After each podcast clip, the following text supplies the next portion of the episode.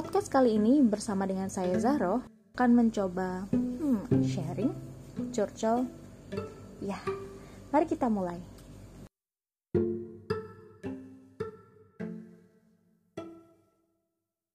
Hai teman-teman, gimana kabarnya? Semoga teman-teman dalam keadaan bahagia, sehat, dan tidak kekurangan suatu apa pun. Di saat podcast ini dibuat, angka COVID di Indonesia sedang meningkat.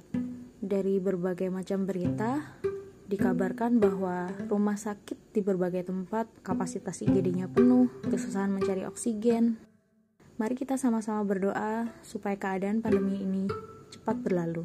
Teman-teman ingat selalu untuk jaga kesehatan, makan makanan yang bergizi, mematuhi protokol kesehatan, dan mungkin jika ada orang yang bilang lebih baik meminta maaf daripada meminta izin. Kalau untuk urusan COVID sih, lebih baik mencegah ya daripada mengobati. Nah, belakangan kan sekali nemuin berita kah ataupun artikel, saya sering jengkel kalau judul ataupun headline-nya tuh agak provokatif ya mungkin tujuannya adalah untuk membuat kita penasaran, menarik minat pembaca seseorang. Namun bukankah rasanya seperti dalam tanda kutip dihianati ketika isi dari artikel tidak menjawab rasa keingintahuan kita? Ya saya nggak tahu ya eh, ada atau enggak dari teman-teman yang juga merasakan hal yang sama dengan saya. Karena saya jengkel sih kalau kayak gitu dan juga saya pernah nemu uh, kutipan dari seorang penulis yang dia menyebutkan bahwa janganlah kamu menulis hanya untuk dimengerti, namun menulislah sehingga orang itu tidak salah mengerti terhadap kamu. Jadi jangan sampai dari hal yang kita tuliskan itu menimbulkan kesalahpahaman atau bahkan lebih jauh itu tuh fitnah. Tapi tentu saja dengan adanya konten-konten ataupun karya yang seperti itu akan banyak dibaca orang, akan memancing diskusi tapi saya rasa bukan diskusi sih, lebih dikhawatirkan menuju ke perselisihan. Saya sih mengajak ke teman-teman dan juga ke diri saya pribadi untuk sebisa mungkin membuat tulisan yang tidak menimbulkan kesalahpahaman. Bisa kok kita membuat tulisan yang menarik, namun tidak perlu dengan membuat orang lain merasa terhianati ataupun tertipu. Nah, tulisan seperti ini dikhawatirkan akan menimbulkan polarisasi memecah masyarakat ataupun pembaca terkotak-kotakan dalam bentuk golongan-golongan. Ya, alangkah baiknya media itu informatif ataupun ke edukasi dan kalaupun memang untuk menghibur itu tentu akan lebih baik. Namun jika melihat belakangan ketika kondisi di awal-awal pandemi di tahun 2020 banyak sekali informasi tentang pandemi ataupun covid karena di kala itu masih sangat sedikit pengetahuan kita tentang hal ini dan juga banyak konten-konten yang kemudian menyajikan informasi yang hampir seragam. Semuanya membahas pandemi, membahas covid. Hingga saya pribadi pernah ada di kondisi yang menjauh dari segala macam pemberitaan karena saya rasa di saat itu itu lebih sehat.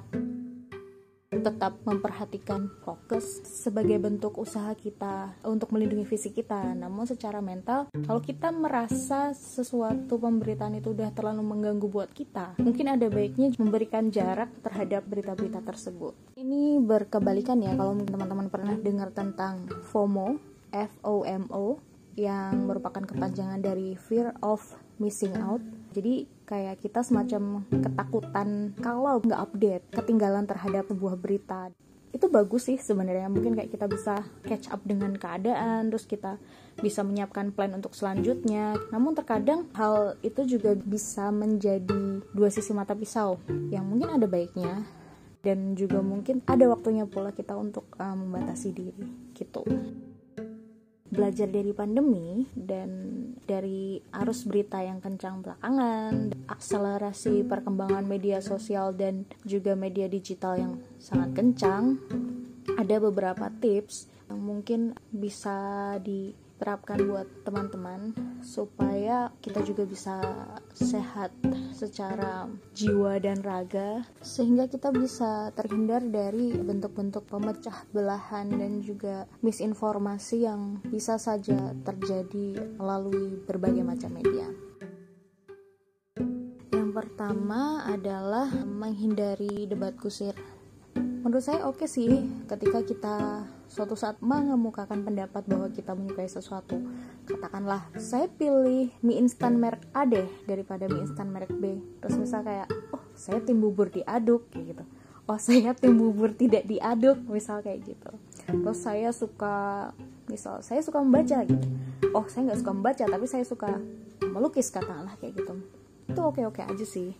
Dalam artian teman-teman mempunyai pendapat teman-teman pribadi akan tetapi itu menjadi masalah ketika kita mempertanyakan ataupun merendahkan pendapat orang lain Oke dari situ contoh yang saya sebutkan adalah untuk persoalan sederhana namun apabila skalanya kita perbesar ini bukan lagi menjadi hal yang sederhana dan efek yang ditimbulkan pun mungkin lebih membinasakan atau juga lebih menghancurkan daripada sekedar memperdebatkan tim kerupuk dikunyah atau kerupuk dicelupin ke kuah. Jadi ada baiknya memang ya udah tidak perlu terlibat dalam bentuk debat kusir kalau mungkin teman-teman mau diskusi itu tentu akan jauh lebih baik. Debat adalah untuk menjadi lebih daripada orang lain, untuk memenangkan perdebatan. Namun ketika berdiskusi, kita akan saling mendengarkan dari masing-masing sisi. Bisa saja kita mencapai sebuah kesepakatan ataupun bisa saja kita tetap pada pendapat masing-masing. Kayak ya sudah kita tinggal saling menghargai saja.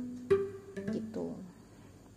Nah, yang kedua adalah memfilter materi-materi yang akan kita masukkan ke dalam diri kita gitu. Sebagai contohnya kalau teman-teman makan, tentu teman-teman akan, oh iya ini bagus buat saya. Oh ini mengandung pengawet kayak gitu misal. Oh makanan ini terlalu banyak gulanya saya nggak makan atau mungkin uh, kita membatasi cukup segini aja gitu. Nah begitu juga dengan media dan informasi mungkin saya ambil satu contoh yang belakangan mungkin cukup bombastis adalah tren mengenai TikTok. Ternyata setelah kita mengenali atau melihat ke dalam TikTok itu sendiri, di TikTok juga banyak kok ataupun ada lah konten yang bermanfaat yang emang orang-orang membuat sebuah kreasi berisi informasi ataupun edukasi. Jadi tinggal kita bagaimana memberikan filter untuk kita sendiri misalnya contoh di Instagram terus di Instagram teman-teman ngikutin yang gosip-gosip kayak gitu. Terus teman-teman kayak ngomel-ngomel ini gimana sih? Ini gimana sih? kayak gitu.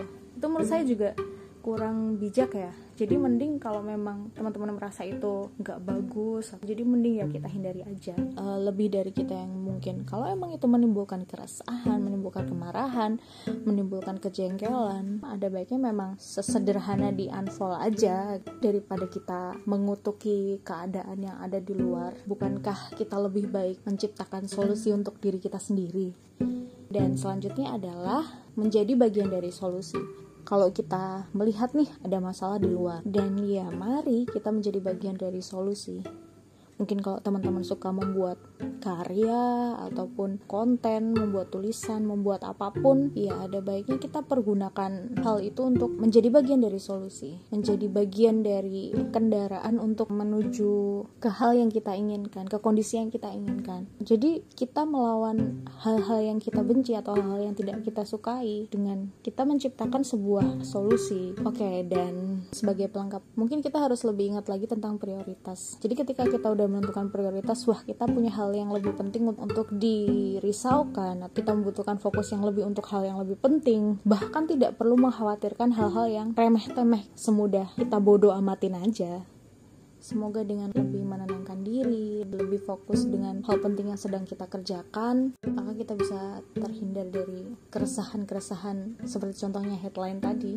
Kita kurang-kurangin ya spanningnya dan yuk lanjut nonton fun fact kadang-kadang inspirasi itu bisa muncul dari ketika kita lagi melakukan hal yang kita suka sih. Itu dulu ya sharingnya. Sampai jumpa lagi di podcast selanjutnya